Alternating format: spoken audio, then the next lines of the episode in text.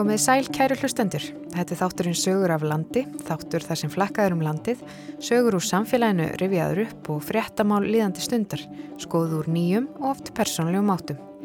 Ég heiti Gíja Holmgistóttir og í þessum þætti verða með mér þær Halla Ólafstóttir og Elsa Maria Guðlökstur Ívedóttir. Í setni hluta þessa þáttar þá ætlum við að fjalla um raf íþróttir og fræðumst meðal annars um stopnun slíkra íþróttafélaga í Bólungarvik og á Egilstöðum. En við byrjum hins vega þáttinn á að rifja upp snjóflóðin sem að fjallu á norðanverðum vestfjörðum 14. janúar 2020 en nú er rétt rúmlega ár liðið frá flóðunum. Elsa Maria var á flatteri á dögunum og rifjaði upp atbyrðin í sjómasfrettum. Flóðin fjalli öll á 12. tímanum að kvöldi 14. janúar, tvö á Flateri og eitt á Norðureyri í Súandaferði. Það síðan nefnda framkallaði flóðbylgu sem skall á þorpunni á Suðureyri. Flóðin á Flateri fóru yfir snjóflóðavarnagarðin fyrir ofan bæin og á hús í Ólafstúni. Stúlka í húsinu var först í flóðinu um hálf tíma áður en henni var bjargað. Mesta eðileggingin varði í höfninu á Flateri þar sem sex bátar sukku. Skömm eftir flóðin lagði ríkistjórnum til 15 aðgerðir til þess að treysta búsetu og ebla atvinnulíf á flatteri. Hluti þeirra var að setja á fót heilsugjæslusel og koma björgunarbát fyrir í þorpinu. Nýtt hættumat var unni fyrir flatteri, með því fóru týjir húsa inn á hættusvæði. Á þriðja tug þeirra er á svæði sí og þar með í mestri hættu. Tilstendur að bæta ofanflóðavarnir en ekki er vitað hvenar framkantir geta hafist. Já, við erum hérna í húsnæði Björgunarsveitarinn á Flateri, Sæbjörgar. Uh, það er ekki hægt að neyta því að það hefur ímislegt gerst síðan að snjóflóðin fjallu. En það verist vera sem svo að það sé verið að býða eftir stóru skrefunum. Hjá mér er Magnús, formaður Björgunarsveitarinnar Sæbjörgar. Hvernig finnst þér hafa gengið að fylgja þessum aðgerðum eftir? Það hafa gengið nokkuð vel með svona flest málinn. Segir, Þarna er rætt við Magnús Einar Magnússon, formann Björgunarsveitarinnar á staðinu. Í viðtalinu segir Magnús að beði væri eftir niðurstöðu í mörgum af stóru málunum sem eiga að tryggja öryggi íbúana á svæðinu. Aug þess sem að nefnir að bæta megi upplýsingagjöf til íbúa. Vel hafi þó verið gert í að ráða verkefnastjóra til að fylgja málum eftir. Og eftir þessa beinu útsendingu þá settist Elsa Maria niður með Magnúsi og rætti nánar við hann um upplifun hans af flóðunum. Uh, eh, mér langar kannski bara svona að, að byrja á að ávarpa eh, vegna þess að núna er liðið akkurat ár frá því að snjóflæðin fjallu Já. hérna 14. januar 2020 um, og þú eru þá verið hérna þegar snjóflæðin fjallu 95 um, hvernig svona það er óneitanlega mynd margt á það. Já, ég var samt svo lítill 95 ég var ekki með 6 ára en þetta, það sem gerist í janúarunni sannaði fyrir mér að ég hafði upplifað hitt, þú veist, ég heyrði sama hljóð þegar COVID og höggvilginn kemur. Það hljóð heyrði ég 96, nei, 95 og var aldrei samt svona, var ég að búa þetta til, er ég bara búin að heyra þetta það oft. En þegar þetta gerist í janúar þá greinilega vissi ég að þetta væri rétt, að, ég, að þetta væri þessi minning sem ég hef frá 95, þessi læti sem komur. Mm -hmm. var, var það 95 einhvern veginn raunverulega? Já, eða, ekki kannski svona eins og hjá þessum sem að upplifa þetta og muna miklu meira mm -hmm. af því ég var, eins og ég segi, náttúrulega bara barn en þetta var svona sannaði bara fyrir mér að ég upplifa þetta, eða svona vissi að þetta væri ekki eitthvað sem ég var að búa til, eitthvað minning sko. mm -hmm. en svo mann maður alveg einhverja punta, mann mann þegar maður var hérna í mötunundinu þar sem maður var svona, þegar eftir að restin af efri eirinu var rým þá fórum við niður þér og vorum bara krakkandur að leika okkur og maður mann þegar þyrrlan kom og það var svona eitt af minningunum sem maður glemir aldrei að heyra. Sjá ekki neitt fyrir en allt í hennu bara í kófinu komum með þyrrlur það var svona einn af þessum punktum sem bara já ok, það er við erum ekki einn hérna mm -hmm. það var svolítið, það er svona skemmtileg minning af leðilegum viðbjörnum þetta, þetta moment þegar þyrrlunum komið og ég hef heilt fleiri segja það einmitt. Þetta, þetta, þetta var svona ákveðin tilfinning þegar er komið sko. mm -hmm. En, en þá ertu, þú ert barn þegar þetta gerist 95 en svo ertu, þú ert fullorðinn og með húsið eftir fjölskyldu og ert í björgunarsveitinni. Uh, hvernig, þú veist, hvernig var það að þegar þetta gerist í fyrra? Það var náttúrulega búið að vera rosalega vond veður lengi og glugginu setnarbygginu snýr upp í hlýð og mér er allt svo heitt þegar á nóttunni en ég vill alltaf opna gluggan og var ekki búinn að geta það þarna lengi nema þetta kvöld þá dettur aðeins niður vindurinn þannig ég get verið með gluggan opinn kannski búinn að liggja í svona tíu mínútur þegar þetta, við heyrum svona hljóð bara eins og smelt fingrum sem er þá aðeins líkindi þegar við erum að heyra stálið brotna bara upp í flóðið fara stað. Og um leið segir Katrín hvað er þetta? Og þetta er snjóflóð. Og þá liggjum við smástundu viðbót og þá kemur grunnlega höggbylgjan á gluggan og ég skil síman eftir á borðinu hleyp fram og sé þá í á, með svona stóra stofuglugga sem snúa að eirinni og þá var svona klístur snjóra á glugganum og alveg svona kóf yfir ljósunum á höfninni og þannig ég áttaði mig ekkert ég held bara að það hefði farið flóðið eins og hefur gert niður með varnagörnum út í sjó. En svo fer ég inn og sækir síman og þá er strax komið misskól frá Agli félag mínum í sveitinni sem býr á mót alveg í hinum endunum í hólstuninu af því að hann e, þau eru með tengt við viðvörunkerfi inn í bátnum þannig að þau vissu strax að það fór á höfnina. Þannig að hann ringir í mig. Ég svar ekki. Þannig að þá heldur hún að hafi farið mögulega á húsi í okkur. Hann mér að hann hefði aldrei hlupið að prat bara þess að aðtóa hvort að húsi mæla hann eða þá og þá er einn hérna Eithor sem býr hérna á neðstu eirinu, hann sendir okkur mynd á að hvernig höfnið var. Þannig að þá kom svona adrenalín bara við það sko sjá hvernig þetta var. Og við komum hérna nefndur og hérna bara kla, gera okkur klári í að fara að rýma nefndur líðarskólinu voru í húsunum sem prófissing á. Við vorum bara að fara að rýma það og ég var til dæmis komin á sleðan og komin út. Þegar það, ég heyri einhver svona öskur á mig þá var það einmitt Egil að segja að það er fallið annars snjóflóð og við lendið á þessu húsi. Þannig að við vorum ég var á sleðanum og hann var í gangi. Þannig að ég var komin bara einn og halvur mínúti eða eitthvað setna voru við fyrstu tveiri komnir að. Og það er svona fyrsta sem ég sé ég komið það er, er ég held að sé fjara ára hann stelpan í náttkjólum og bólagaf í snjóskafli það er svona fyrsta minningin að berga henni að núr það er svona myndin sem maður ber alltaf í hugun held ég. Og munur örugglega alltaf gera það maður hugsa um þetta Og þá farið þið náttúrulega og þið bjargið stúlkunni. Já, við byrjum strax að, að koma að því að Siggi sem var bróðir Ölmu, hann hafði komist sjálfur út og hann var ekki alveg viss, vissið ekki alveg fyrst þannig að við vorum svona, það var svona pínu panik að en svo bara fórum við með hana afsýðis í bílinn og hún gæti bent okkur strax á hvað herbyggja hennar var. Þannig að við gætum sett bara strax veist, alla í að móka þar. En við sáum mjög fljótlega að milliveggir höfðu fæst til en við vissum ekki hvort að rúm og aðri hlutir í herbygginu höfðu fæst til en við urðum að móka svona eiginlega fórstofuna líka sem að var neðan við herbyggja hennar. Þannig að við vorum með að mest tíu manns inni og þeir sem fóru inn í herbyggi þeir þurftu bara að alveg tróða sér upp um og voru bara alveg klestir upp í loftið þegar við byrjuði að móka.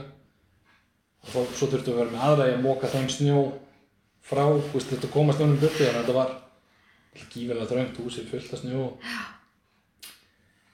en ég var fyrir utan svona stjórna ég og Ívar varaforma vorum úti í svona stjórna því sem þetta stjórna þar fá passa að fólk fari ekki inn á svæðið nema með snjóflóilir og, og skrá inn og út og bara sjá það sem þarf að gera mm veist, og ef að þeim matta eitthvað inni þá vorum við að sjá um það. Og ég var akkurat að fara hérna niður til að sækja fleiri snjóflóila til þess að geta sett fleiri móktismenn inn á svæði þegar ég heyri kallaði stöðunni að þessi búið að finna það þannig bara snýja við strax og við förum strax upp yfir og þá er þau að kom, kominni út og eru búin að finna lísmark sem var alltaf virkilega góð tilmynding eins og ég sagði þannig að heyra tíu fullunda kall með gráta það var svolítið svolítið svona sérstök tilfinning Já. En sko þetta gerist og, og hérna og flóðið fer yfir varnagarðin Já. og varnagarðin á að vera þarna til þess að passa ykkur. Hvernig er það að átta sig á því að hann brast? það var mjög óþægilegt eh, en mér fannst það ennþá meira óþægilegt svona tveim dögum setna þegar ég fekk tíma til þess að skoða flóðið sem fjall á höfnina. Því ég bý alveg þeim megin í göttunni þegar ég sá hvað það var náðu túsunum mínu líka. Þú veist, það er bara snjóruðningarnir sem voru mókaðir einst í göttunni þeir hjálpuðu til. Þú veist, þetta hefði komið ennþá nær með að við kirkjugarðurinn er fyrir utan nei, innan húsið mitt. Og veist, það er svona stór kross efst í honum. Veist, hann fór sem er svona bara bein lína að húsinu á mér. En það voru bara svo hái snjóruðningar sem hafa náða beigja því frá sko, sem er, það fannst mér ennþá verið að sjá hvað það var ná af því ég hafði ekki hugmynd um allan annan tíma með að vera að vinna í flóðunni hinum einn daginn eftir að það hafi farið yfir þarna megin. Það var ekki fyrir en ég var bara að fann smá tíma til þess að skoða til þess að átta sig. já, Þetta er náttúrulega bara gífurlegt bara sem gengur á þarna í marga daga og það er lokað og valskipi kemur og, og en, en hvernig svo hægist á og hvað, Já. hvað gerist þá? það var svona viku setna svona, já, þegar þetta fór að þá fór ég í vinnu fyrst aftur það var mjög svona ákveðið móment að fara að frá fötur maður var svona í vinnu ham bara. Maður vildi hafa það líka þannig. Maður vildi ekki fá tíma til þess að hugsa um hvað væri búið að gerast alveg þú veist, maður, það var náttúrulega gífurlegt af snjó þannig við fórum að hjálpa fólki bara að finna ruslutunda sína svo að verða að hreinsa það og veist, þetta, við fórum eiginlega í svona bara finna verkefni gýr en svo náttúrulega þegar þetta róaðist þá veist, að sjá hvernig bátarnir voru í höfninu og sem betur fyrir var farið í að veist, bara reynsa mjög fljótt þannig að þetta var ekkert nema kannski einu bát sem er eftir. Veist, það var mjög gott að losna við all ummerki sem fyrst. Já. en svo bara svona voru við dugleg í sveitinu bara að ræða þetta að hittast og, og svo kom þetta he hana, heimsfaraldur sem að tók kannski svona mesta púlsinn af þessu. En svo bara svona, þú veist jú, maður hugsa um þetta tilbaka núna en ekkert eitthvað veist, maður er ekkert hrættur eða neitt svona um annað flóð eins og ég segi rólegur vetur eins og er þannig En eh, og, og, ríkistjórnin eh, yfirvöld koma og, og, hérna, og eru svona að taka út það sem að gerðist og hvað þarf að gera og, og leggur fram veist, þessar aðgerðir sem að sköpuð, skipuð þennan hóp Já. sem átt að koma með tillögur Mm sem skiluðu þarna í mars sem voru, það var 15 atriði. -hmm. bæði bara þú veist, a- um, atvinnu á styrkja atvinnusvæðinu alltaf voru meiri hluti bæði sem við mistu vinnuna bara þarna á einu bretti Já.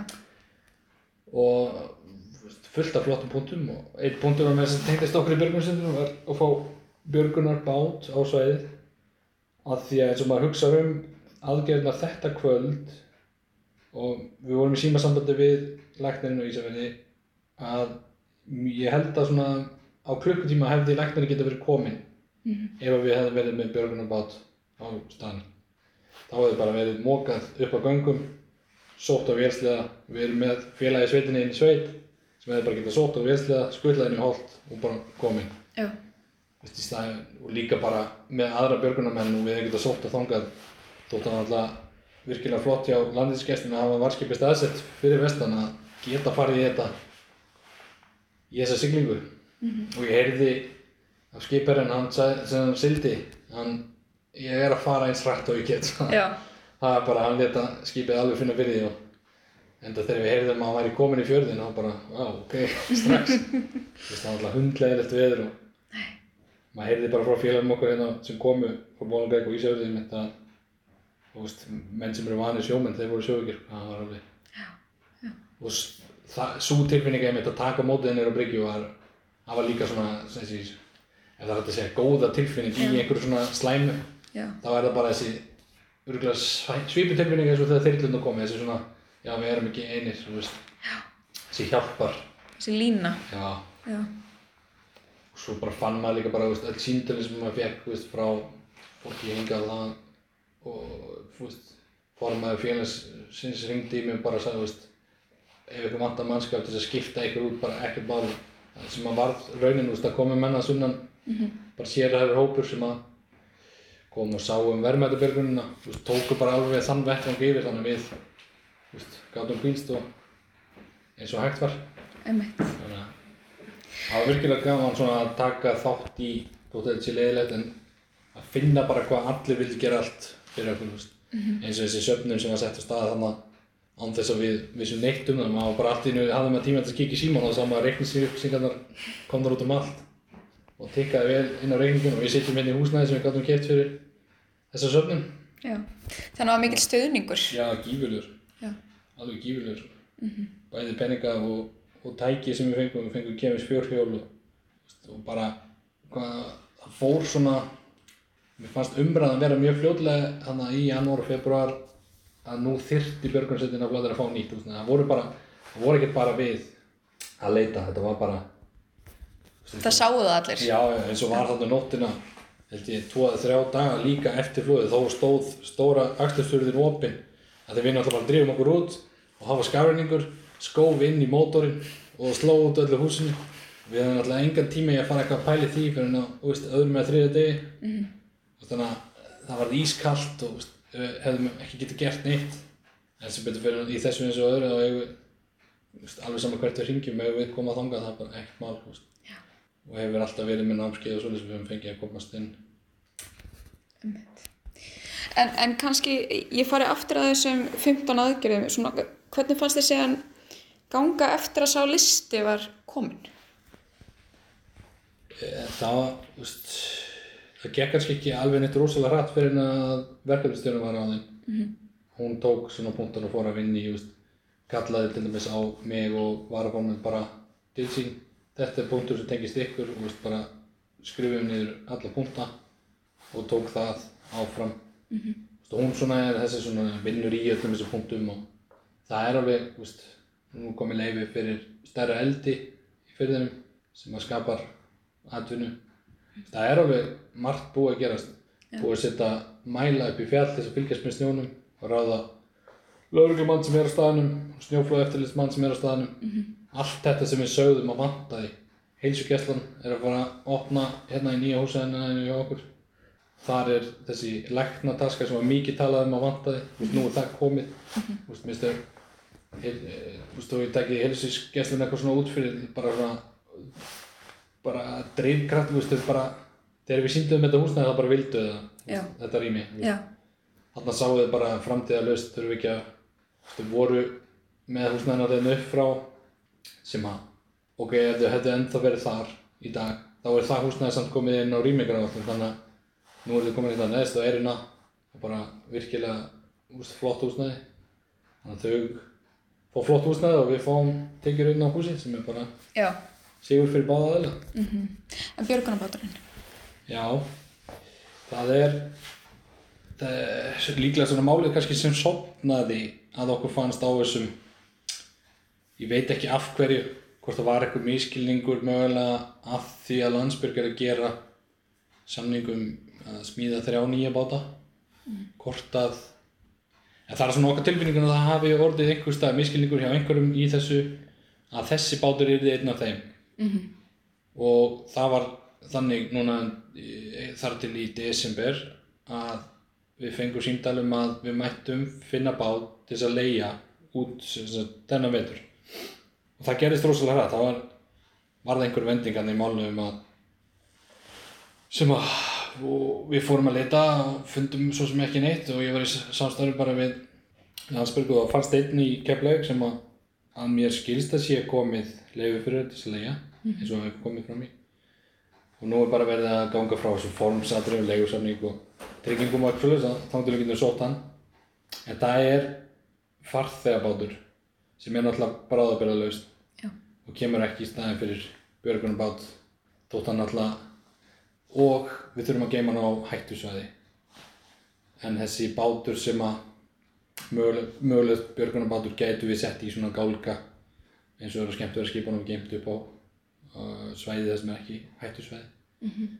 þannig að þetta er svona hálfur sigur, við erum mjög virkilega gott að fá skip veist, bara ef ég hef talað við þið fyrir viku síðan þá hefur við verið bara ekki að fara að fara með þess að við töndum síðan, veist, þetta gerist þú rosalega hrætt þannig að það er bara flott og við allan lífum í þeirri meiningu að, að þetta sé bara sem þetta er áður að byrja það laust þar til að við gengjum verið frá kaupum á nýjum mm -hmm. Og veist, við erum búin að veist, setja mjög mikla vinni í þarfagreiningu og sína fram á hvað þarf bát bara eins og ég sagði á hann að í janúar hefðu við getið verið komið legnir á staðin bara um klukktíma alveg maks klukktíma held ég En ertu hræðist þið eitthvað að þessi hlutir bara haldi áfram að frestast það sem eftir stendur? Mm, Ég vil alveg ekki trúa því.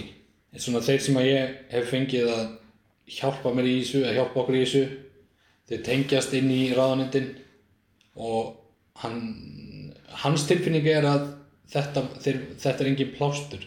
Þetta er bara svona verið að, að því að það er ekki hægt að ganga á hreinu strax, þá er verið að leysa þetta með þess bát og saman tíma erum við bara sína fram á þörfina, sko, það verður að vera bátur.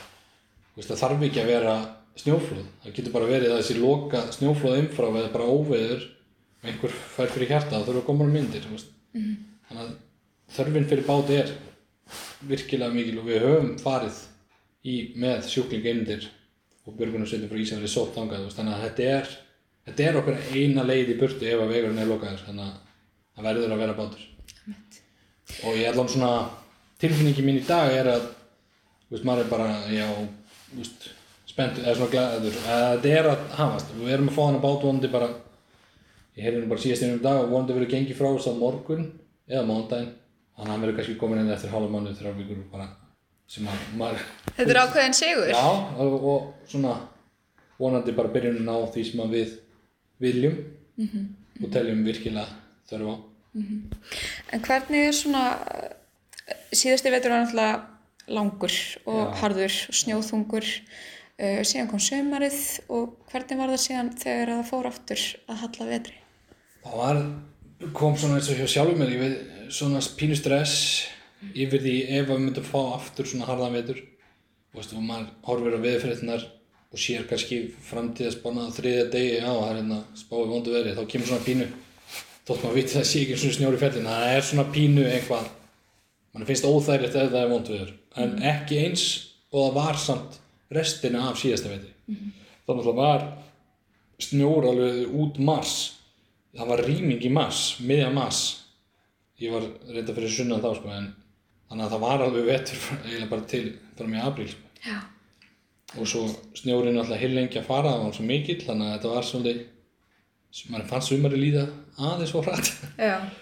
þannig að það er alveg pínu óþælindi svona þegar það er vont veður en, en ekki eins og var í, eftir að mann fannst alveg svona mann og ekki hvort það hefur ekkert verið í februar þá fannst mér svona verið komið svipaðar aðstæður en þá var ekki farið í að rýma þá. Veistu, mér finnst þetta líka þetta með rýminguna, reynda núna eru komið að mæla. Þú veist, þetta er alltaf þessi manneska sem þarf að segja þér sem býr á snjóflóðhættu sagði, nei, nei, þú þarft ekki að fara. -hmm. þú veist, er alltaf einhver einstaklingur sem tekur þessa ákvörðin út frá mælum áður en þessi komu hérna í kring sko. sem er, var alltaf svolítið óþægilegt Það þurfa að treysta einhvern veginn þessari Já, mannlegu. og líka örgulega þetta óþægilegt fyrir manneskuna sem að eins og ég veit að gerist í januar flóði fellur þriðið hann var hringt í hann mándi hvort það væri ekki komin svona aðstæða til að rýma hann taldi það ekki vera veist, ég er ekkert eitthvað að sagast við hann eða eitthvað svo, það var örgulega bara óþægilt fyrir hann að þetta hafi svo gerst þú veist, ég veit ekkert hver það var sem að tók þessi ákvörðum en ég frétti bara að það að svo sem hann lendi í flóðinu hafi pælt í þessu hvort það þyrfti ekki rýma. Og það var sagt að það þyrfti ekki. En við erum ekkert að pæla í því núna en það er örugglega bara líka óþægilt fyrir hennan einstakling Já. þess vegna er gott að við komum mælar og að fylgjast með snjódýftinni núna. Já. og við erum með hérna með svo, svo sem félagisveitinni er snjóeftirlitsmaður þannig að hann við fáum upplýsingarna mjög fljótt. Svona það sem hann má gefa okkur. Um, en hvernig finnst þér svona andin í þorpinu? Almennt, svona. hann er bara mjög góður Já. það er eitthvað fyrir hann að bæ ég veit ekki, þú veist eins og núna það fór hús að sölu í síðust viku til síðan þrýr búin að ringja mig og spyrja hvort ég veit ykkur eigi það þú veist þetta er bara eitthvað svona eins og einhver segja flateri er svona inn núna það er eitthvað að fá lýðskólan þú veist, vera alltaf með 25-30 þú veist, einstaklinga á svæðinu við veturinn, liftir öllu upp og bara fyrir okkur sem hafa búið hérna og upplifað einmitt það þetta, þegar það er fullt af fólki og allt svona veist, skemmtilegt. Og svo höfum við upplifað þessa dífu þegar fiskvislan hættir eða fiskvislan fyrir á hausinn og fólk með sem vinnuna og þetta lokar og veist, þannig að við höfum upplifað bæði. Og það er mjög gaman að taka þátt í þessu. Og eins bara hvað allir eru svona veist, þessi drifkraftur eitthvað eitt þetta félagi minn sem á bílskur hann er að fara að breyta því í, íbúð til þess að geta stækkað fyrirtæki sem hann er með það er engin þessi sem maður kannski hrættist í síðasta vetur eftir flóðið. Það er því kannski einhverju sem myndi fara myndi ekki geta þetta. Mm.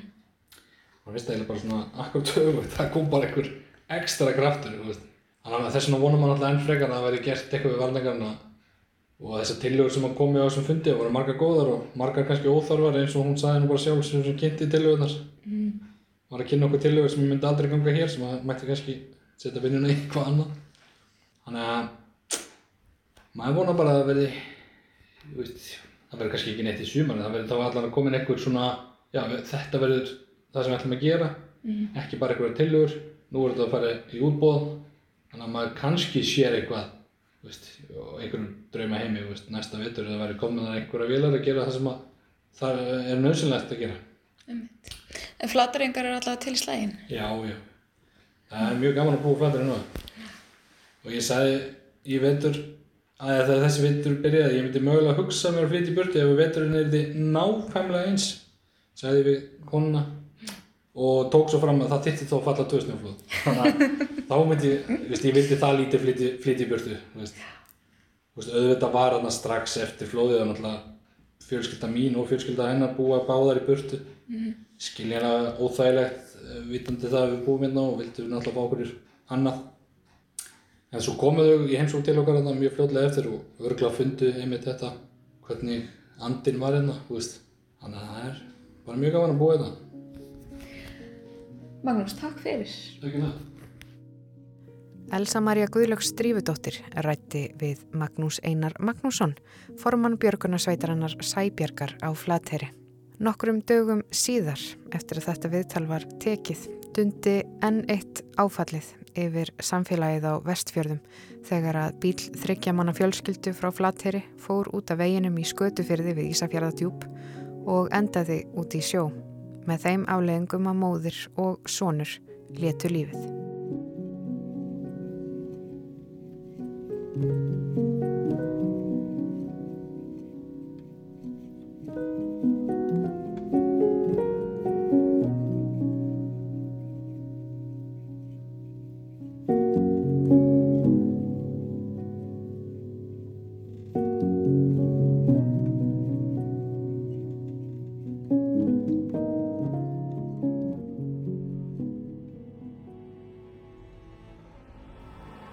Við höldum næst inn í heim raf íþróttana.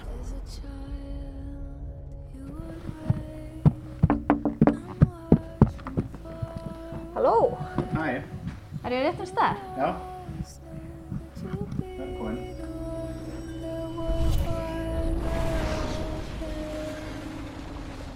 Við erum komin að æfingarhúsnaði hins nýstopnaða raf íþróttafélags Bólungarvíkur í fylg með höllu Ólafsdóttur.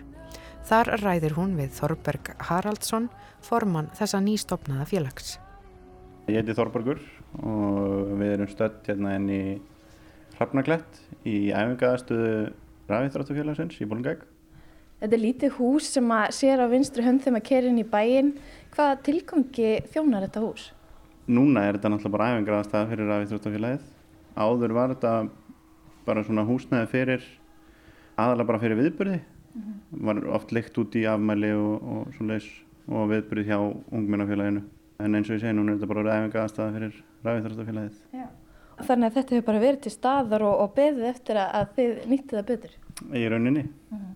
Þú ert svolítið í fósvari fyrir þetta ræfiþarstafélag það nýstofnað, hvernig kemur það til?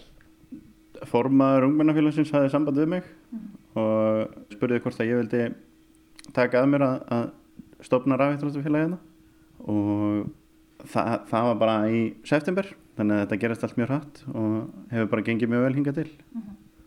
En hvað þurfið þið til að, að geta stopnað rafíþröftafélag hérna í Bólungavík? Það þarf náttúrulega tölvubúnaðinn og, og húsnaði undir tölvubúnaðinn fyrir æfingar og það er ekki margt annað góð nettenging náttúrulega skiptir miklu máli að ljóslegar hérna mm -hmm. þetta var bara eiginlega fullkominn staður Og hvað er þetta aðstæð fyrir marga? Við erum með tölvaðastöðu fyrir 6 og flesti leikir eru með 5 manna lið síðan ertu með leiki eins og Overwatch sem er með, er með 6 manna liði þannig að uh, þessi aðstæða með 6 tölvum hendar mjög vel allavega til að byrja með Já. en svo er náttúrulega markmið að reyna að stekka þetta og, fá fleiri tölfur. Snýða þetta eftir þörfum. Já, algjörlega. En eftirspurnin hefur verið til staðar. Já, það er allir mjög jákvæðir og við höfum fengið mikið, mikið meðbyr og hérna, búið að vera mikill áhugi fyrir þessu. Þú sétum að stopna þetta, en hvað ertu með til dæmis stóran hóp með þér í því að, koma þessu á koppin? Við erum sennilega, ég held, held að við séum sjö í stjórn og við höfum verið uh, þrýr hérna sem, að, sem höfum verið svona mest í þessu núna að koma tölubúnaðinum upp og, og skipilegja þjálfvaranámskið og svona. En af hverju er haft samband við þig? Hver er þinn bakgrunnur? Ég vinn hjá tölufyrirtæki á Ísæli sem heitir Snerpa og uh, ég hef spilað töluleiki líka bara frá því ég var krakki og hef mjög gafin að þessu. En hvernig fer starfsemi rafíþróttadeildar fram? Þetta er bara mjög svipað á annað íþróttastarf. Það eru uh, reglulegar æfingar og þetta markmið er raun að bæta sig ekki, þú veist þetta snýst ekki um að leika sér bara í töluleikum heldur er þetta að bæta sig eh, bæði félagslega og, og í, í leikjónum og í rauninni bara í öllu. Þetta, er, þetta, þetta snýst ekki endilega bara um leikina heldur er hluti æfingarnar er alltaf uh, líkanlega hreyfing og, og andlega heilsa og svo leiðis og hérna þannig að það er stór partur af þessu líka. Já, halda haus? Já, halda haus, það er eins og hann sagði frangöldustjóri Rísi þegar hann með námskeiði hérna. Bara heilbröður haus skilja góða leik í rauninni. Það er skiptið megin máli í þessu. Hvað heldur að sé það mikilvægast sem að fólk fær út úr því að æfa rafínþórtir? Það er náttúrulega ímislegt sem maður fær út úr því. Það er, það er að, að þjálfa samvinnu og, og, og félagslega tengsl. Líka læra bara að að hérna, nálgast þetta á heilbreðan hátt. Það er oft sem að oft sem að þessu er, uh, þetta er tengt við kannski dimherbergi með snakkboka og, og orkudrykk eða eitthvað svo leiðis en við viljum svona reyna að útrýma því. Það er að kenna þetta á heilbreðan hátt og, og að nálgast þetta með, með hérna, heilbreðum hætti. En hvaða leikir eru þetta helst sem þið eru það að þjálfa og æfa hérna? Sko, vinstaröldu leikinnir á Íslandi eru, eru Counter-Strike, FIFA, Fortnite, það er svona með þessum vinstaröldu League of Legends líka og það er sennilega það sem við munum gerna svona mest megnis.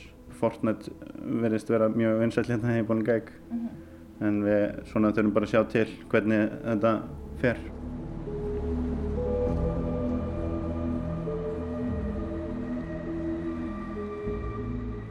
En fyrir þá sem að spila ekki þessa tölvuleiki, getur þú útskýrt til dæmis bara Fortnite? Hvernig leikur er Fortnite?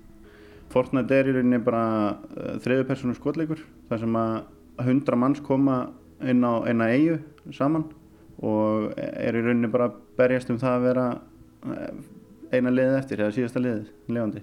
Og er þetta leikur sem tekur stuttan tíma eða langan tíma og ertu þá með fleiri liðsfélaga með þér? Uh, já, er, þetta eru, þetta, þú getur spilað þetta einn en þú getur líka spilað með upp í fjórum í liði.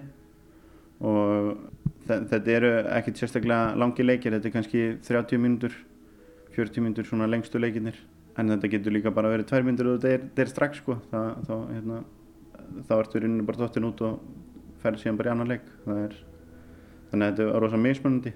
En flestir þessi leikir eru, eru ekki mikið lengur um 30 mínútur kannski. Við vorum með þjálfur námski bara núna síðustu helgi. Það voru nokkri sem mættu á það og við erum þá allavega með það bakland. Eins og er þá er einn þjálfari sem að ég flutti bara yngaði eiginlega til þess að vera þjálfari í ræðiþróttafélaginu. Týndi mikið áhuga og, og hérna. En, en stefnan er líklegast að, að hérna, já, bara geta gert þetta einn stórt og þetta getur verið. Og hvernig setur þjálfari upp æfingarnar, þið fóru í gegnum þjálfvaranámskeið, hvaða eh, formúlu fylgir þið? Við förum í rauninni bara eftir svipuðu formati og öll önnur félög á landinu sem er format sem að Ræðiþjónusta samtök Íslands settu upp.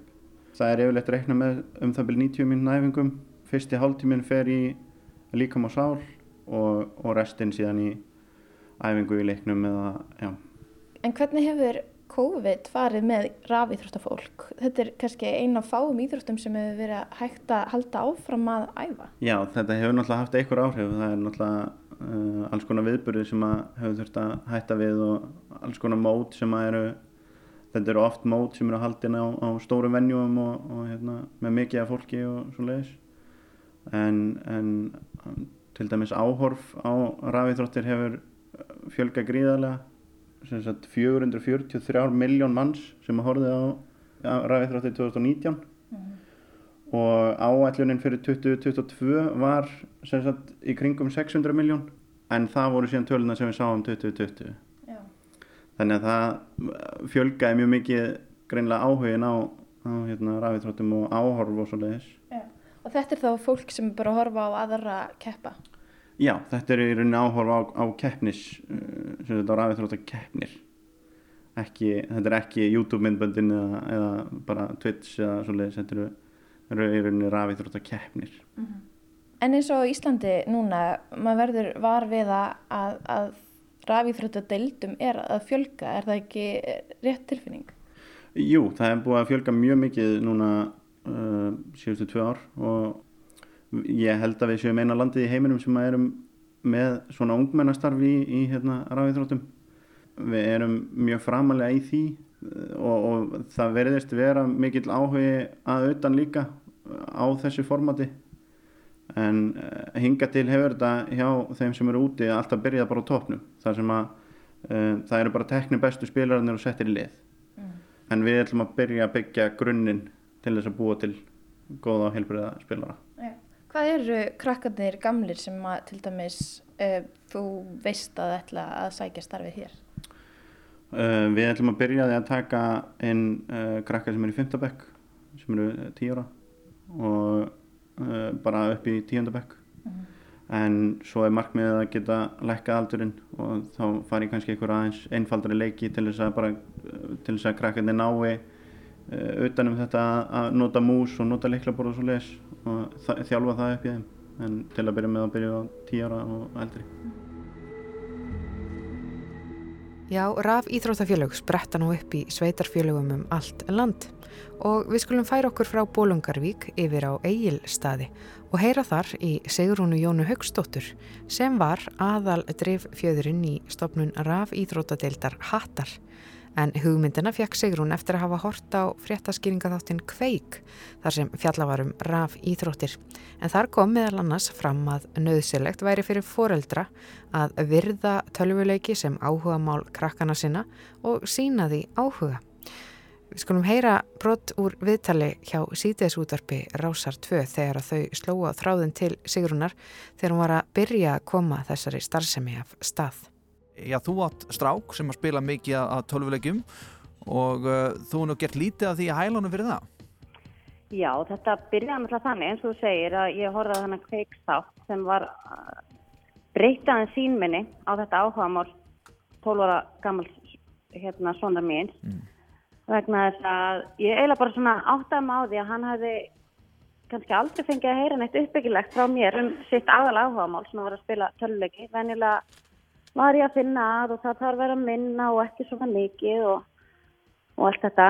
Mm. þannig að, að ég tók þetta svolítið til mín og það kannski verið til, hérna, tími til að breyta þessu og þarf að sína hans áhugamáli aðeins meiri skilning. Já.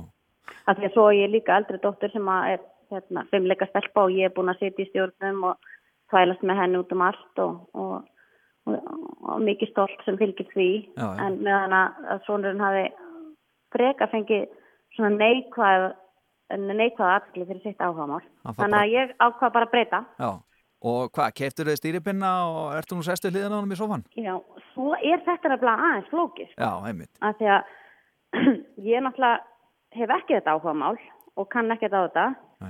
Þannig að þegar ég fór hérna upp á bæ og talaði við Tómsund Æskulisfulltrúa og hún er svona svolítið líka við hérna höfum ekki alveg einsýn inn í þennan tækni heim þannig að við fengum bara frábært fólk með okkur sem að, sem að þekkir þekkir tölvuleikaspilum betur en við Já. og það komið mitt upp alls konar mál við sveitafélagið náttúrulega tekið mjög vel á mót okkur mm -hmm. og hérna og ætlar að skaffa okkur húsnæði og við heldum svona kannski við getum bara flutt inn og byrjað en þá þarf til dæmis eitthvað svona eins og nettengingu já.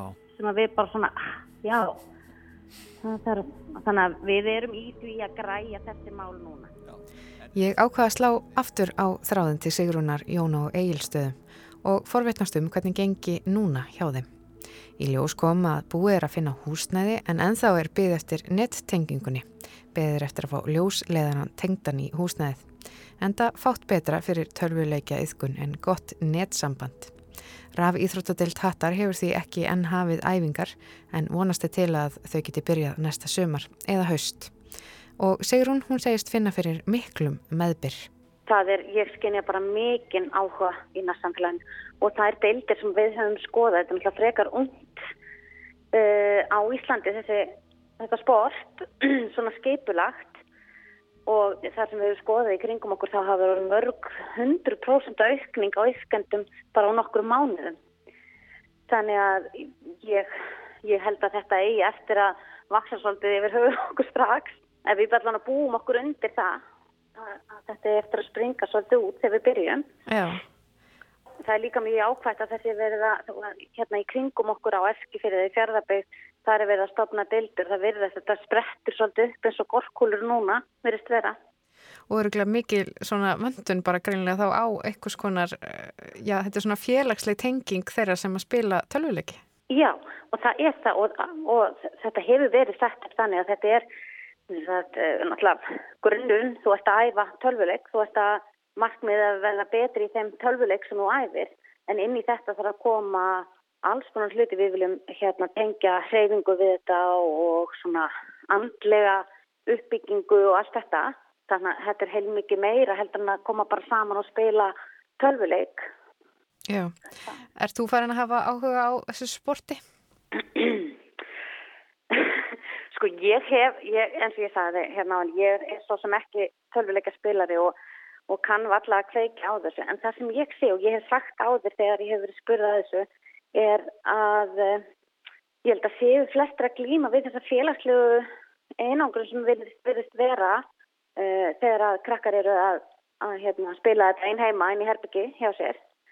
Þannig að okkar markmið er svolítið að rjúfa, rjúfa þetta og, og, og fá þessa krakkar til þess að hittast og gera þetta saman í, í einhverju skipulöfu starfi. En ég sjálf, ég ætla svo sem ekkert að ljúa þegar ég er ekki, ég er ekki inn í þessu sjálf, ég spila ekki tölvuleikum. Nei, nei. En, þa en, ég, en það er eins og ég hef sagt líka, stelpa minnir í fimmleikum og ég svo sem stund ekki fimmleika. Því þetta snýst meir um það að styðja börnin mm -hmm. okkur í því áhugamáli sem þið hafa og tala ekki áhugamálinn þeirra niður. Akkurat, þannig að það er svona skilabóð þín til eh, foreldra sem, sem að eiga börn sem hafa mikinn áhuga á, á tölvuleikja ykkun.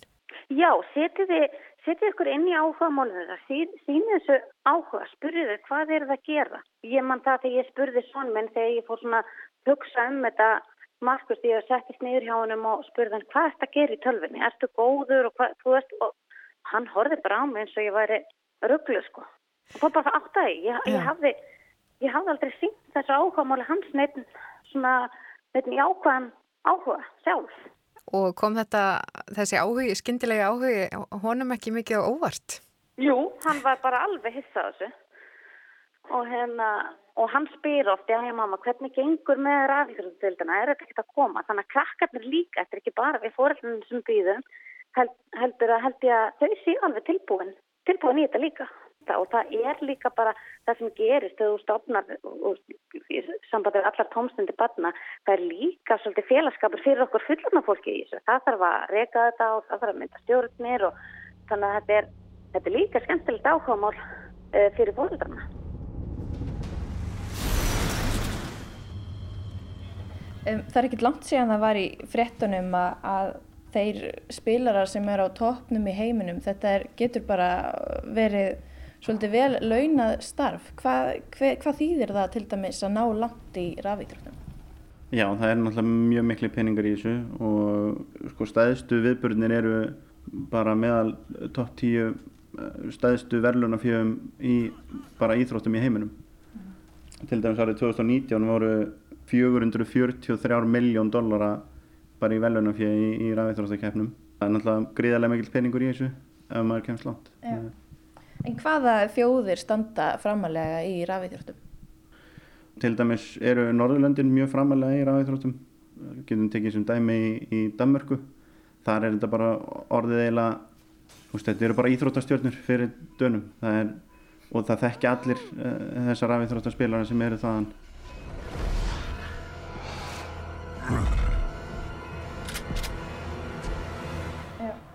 En eru þá þessar stjörnur svona góðar í fleirin einum leik?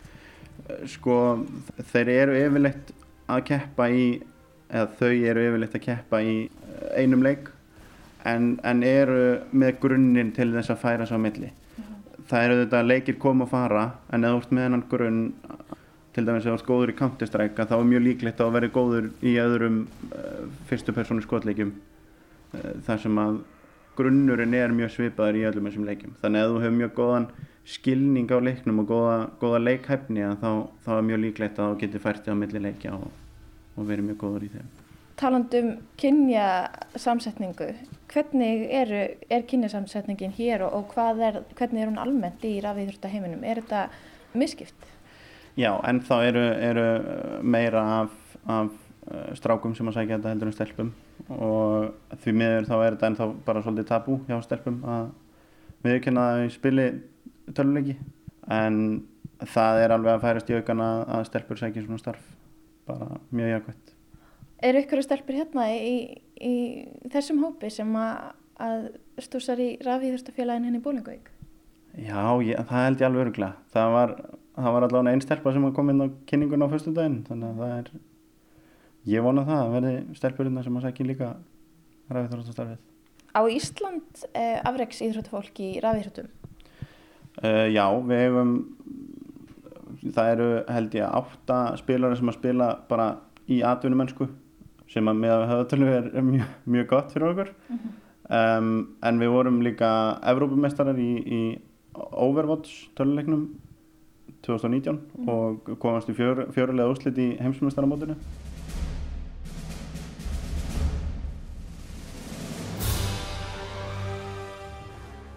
Og hva, hvernig töluleikur er, er Overwatch? Uh, Overwatch er svona uh, fyrstu persónu skotleikur það sem að markmið er oft að, að annars vegar að, að sækja einhvern ákveðin punkt og, og halda honum eða, eða hérna, flytja eitthvað frá, frá A til B og verja þá, þá hluti á meðan. Eru flestir þess að leikja skotleikir? Já, megnið af, megnið af uh, keppnisleikjunum eru skotleikir en, en svo ertu náttúrulega með, þú með FIFA til dæmis sem er fókbaltalegur og hérna þar eru við til dæmis með, það var rafíþróttamæður fylgis var til dæmis e-fókbaltaspilari sem er FIFA spilari um, síðan ertu með League of Legends sem er svona leikur þar sem að þú ert að spila ákveðna hetju og markmið er að, að hérna að komast inn í svæði anstæðingsins eða þannig. Þú horfir svona ofan á leikvangin og, og ert að stjórna þessari einu hetju. Nú þú ert að vera skipulegaður og búið til plan? Já, já.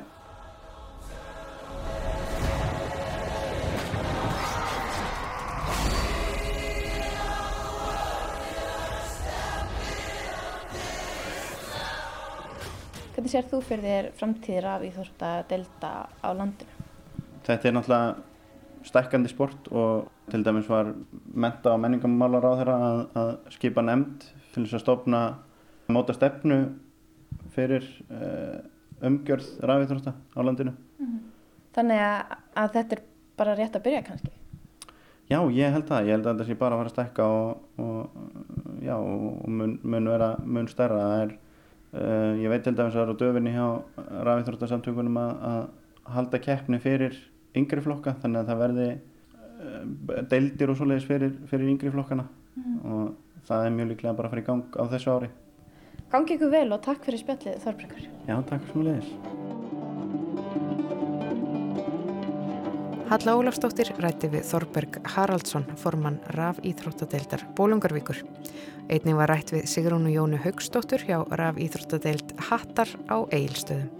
Og þar með er komið að lokum í sögum á landi í dag. Tæknimaður var Lítiða Gretastóttir. Við þökkum þeim sem hlítu. Livið heil.